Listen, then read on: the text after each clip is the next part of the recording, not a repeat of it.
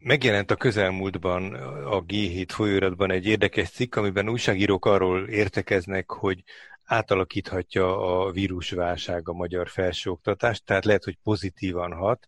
Erről gondoltam, hogy jó lenne egy beszélgetést szervezni, és az ELTE Társadalomtudományi Karának szociális munkatanszéke két munkatársát hívtam meg, és közben lehet, hogy apró kép zavar, vagy ilyen szerepzavar lesz. Én magam is érintett vagyok ebbe a dologba, tehát kérdezem őket, de de tulajdonképpen beszélgetnénk erről a helyzetről a következő néhány percben. Úgyhogy szeretettel köszöntöm Rácz Andreát és Csongor Annát, akik a Társadalomtudományi Kar szociális munkatanszékén oktatók, és Andrea a tanszéknek a vezetője is. No, hát kérdez, kérdezem egy ez a cím, ami eléggé beszélő cím. Ti hogy látjátok, illetve egyáltalán van-e már valamilyen személyes tapasztalatot meghaladó összegzett információtok, tapasztalatotok, hogy, hogy körülbelül akik itt tanítanak, tanítunk, hogy hogy viselték ezt a helyzetet, akár a hallgatók is majd, de most első körben az oktatók. Nagyon fura ez, úgy kezdődött a dolog, hogy nagyon féltünk tőle. Az biztos mindannyian. Aztán azt gondoltuk, hogy ez csak egy technikai kérdés, akkor féltünk a technikától, sokat bénáztunk a technikával, ez most mindannyian, akik voltunk. Aztán van, aki rákapott az ízére, például én, nekem, én kifejezetten szeretem most már, és akkor közben kiderült, hát azért eltelt múlt az idő, hogy mi az, amire jó, és mi az, amire egyáltalán nem jó, és mi az, ami problémákat fog okozni, hogyha így marad. Andrea, te neked milyen tapasztalataid vannak? Nekem az a tapasztalatom, hogy mindenképpen szeretnénk erre egy átmeneti időszakként gondolni, hogy egy válsághelyzetre kell egy gyors megoldást találni, hiszen annál idézve a korábbi beszélgetéseinkből nem erre szerződtünk semmi, sem a diákok, és igazából ez a fajta fenyegetettség minden előnyével és hátrányával, amit most már látunk így két és fél hónap táblatából, azért ott van, hogy a jövőre se úgy szeretnénk tekinteni, hogy ez, ez csak online képzés, és szerintem itt a szakoknak a specialitásait is nagyon figyelembe kell venni. Tehát azt gondolom, hogy sem a szociális munkáról, sem a közösségről nem lehet úgy gondolkodni, hogy ez egy online oktatás, mert a képzésünknek nem ilyen a szerkezete.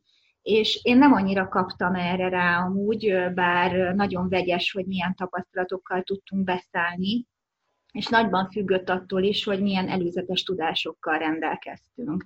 Tehát szerintem ezért is egy nagyon vegyes kép alakult ki a tanszéki oktatók körében, nagyon sokféle módszerrel amúgy, amiből lehet tanulni, és a diákoknak is a becsatlakozása, és egyáltalán a tudása, a részvétele, és hogy ők mit tudnak ebből megtartani, az is szerintem most egy nagyon vegyes képet mutat. Talán arra utaltál a két szaknak, a szociális munka és a közösség és civil tanulmányok kapcsán, hogy, hogy a személyes találkozás, a közösséggel való, az emberekkel való face-to-face kapcsolat az nem kihagyható, de ugyanakkor a társadalomtudomány maga, meg a kar is még mindig jobb helyzetben van, mint akiknél kísérletek vannak, laboratóriumi munka van, és más típusú gyakorlat, tehát ehhez képest az emberi viszonylatokkal, az emberi viselkedéssel kapcsolatosan talán egy kicsit jobb a helyzet az online oktatás tekintetében hogy nálunk nagyon sok a gyakorlatorientált tárgy, amikor a terepeken vannak, és a terepek is hirtelen lezártak, mind a szociális intézmények, mind a gyerekterület, a civil szervezetek is ráálltak egy más működésre,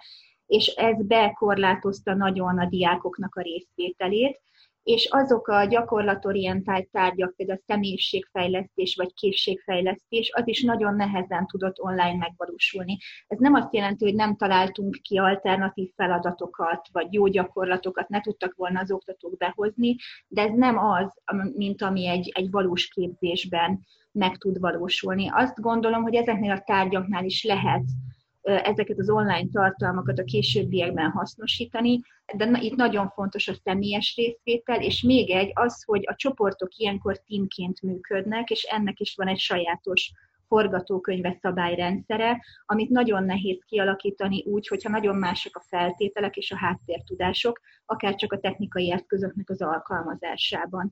Ugyanez igaz a kutatásokra például, hogy azok az órák, ahol valamilyen ilyen jellegű produktumot vártunk, és akár az első élménye volt a diákoknak, nagyon nehéz úgy elindulni egy kutató munkában, vagy egy projekt előkészítésben, hogy nem tudunk találkozni, hogy ők sem tudnak mondjuk a célcsoporti tagokkal találkozni, és hogy sok idő kide, ki, kiesik a konzultációk során, és ez nagyon lassítja, megnehezíti a munkát, és az élménynek a feldolgozása is szerintem nagyon korlátozott. Hát ugye az van, hogy meg kell tanulnunk az online térben mozogni.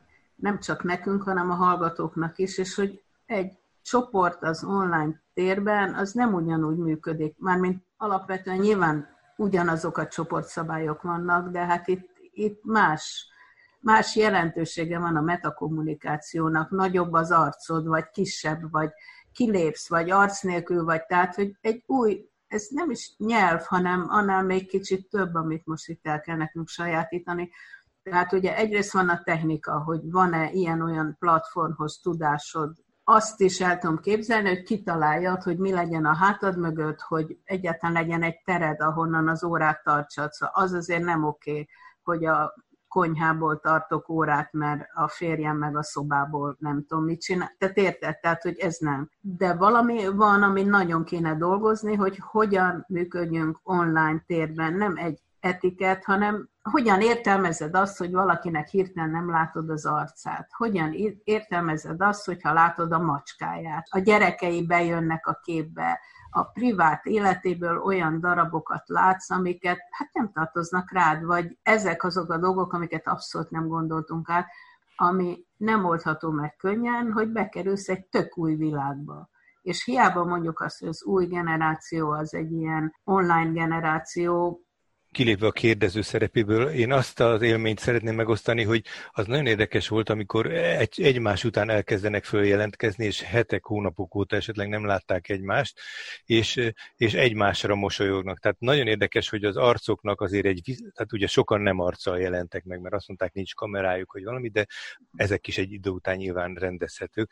De azért mégis mondjuk 18-20 embernek az arca együtt, ez egy nagyon érdekes impulzus volt tanárként is, vagy előadóként is. Ráadásul egy ilyen ingyenes platformot használtunk, amely 40 percenként szétkapcsolt, és akkor minden 40 perc után meg volt beszélve, hogy gyorsan vissza kell kapcsolódni. Az újra találkozás az, az egy nagyon érdekes csoportdinamikai erőt hozott, azt vettem ki. Az utolsó időben már másfél-két perc alatt gyorsan újból összeállt a csapat. Szóval magyarán összeáll a csapat, kétszer vagy háromszor összeáll egy órára. Ezt én egy nagyon ösztönző dolognak tartottam.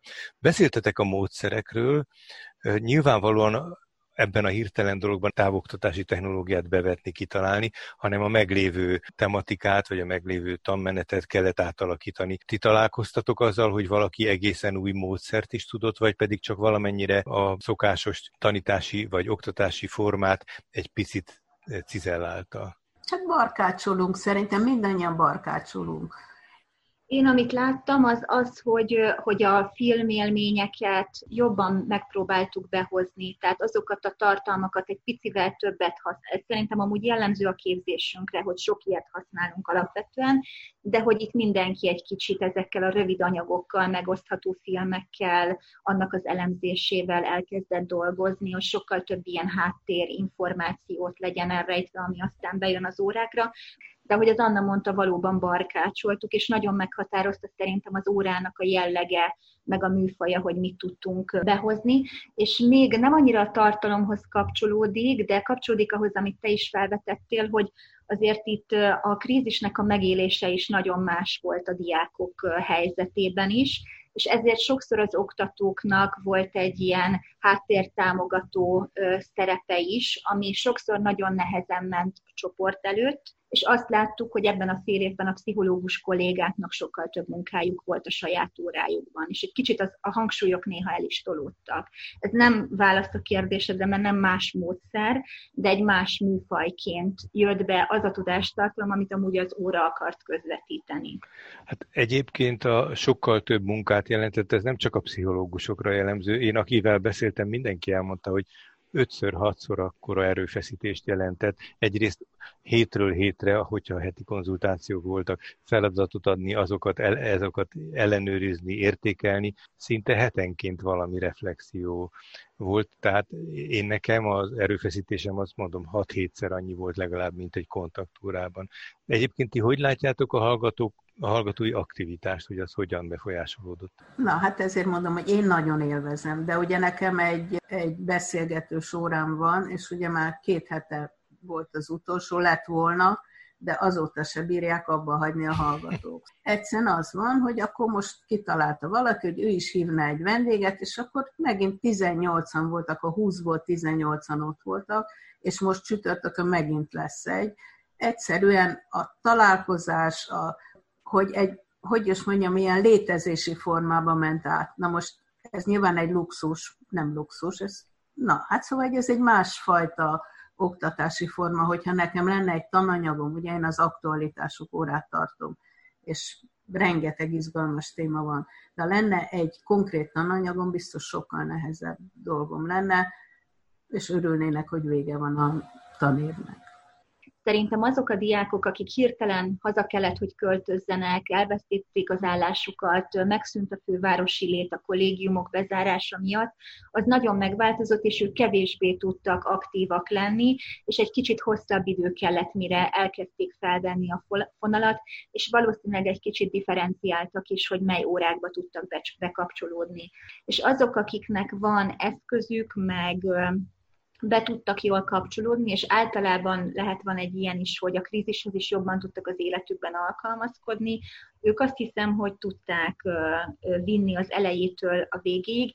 Én a saját óráimnál azt érzékeltem, hogy a fél évnek a végére összerázódtak a csoportok, és nagyon jó előadásokat hallottam, nagyon éles viták voltak, ugyanaz volt az élményem, mint az Annának, hogy szinte alig bírtuk abba hagyni az órát. Még egyszer nem szeretném így csinálni, hanem muszáj.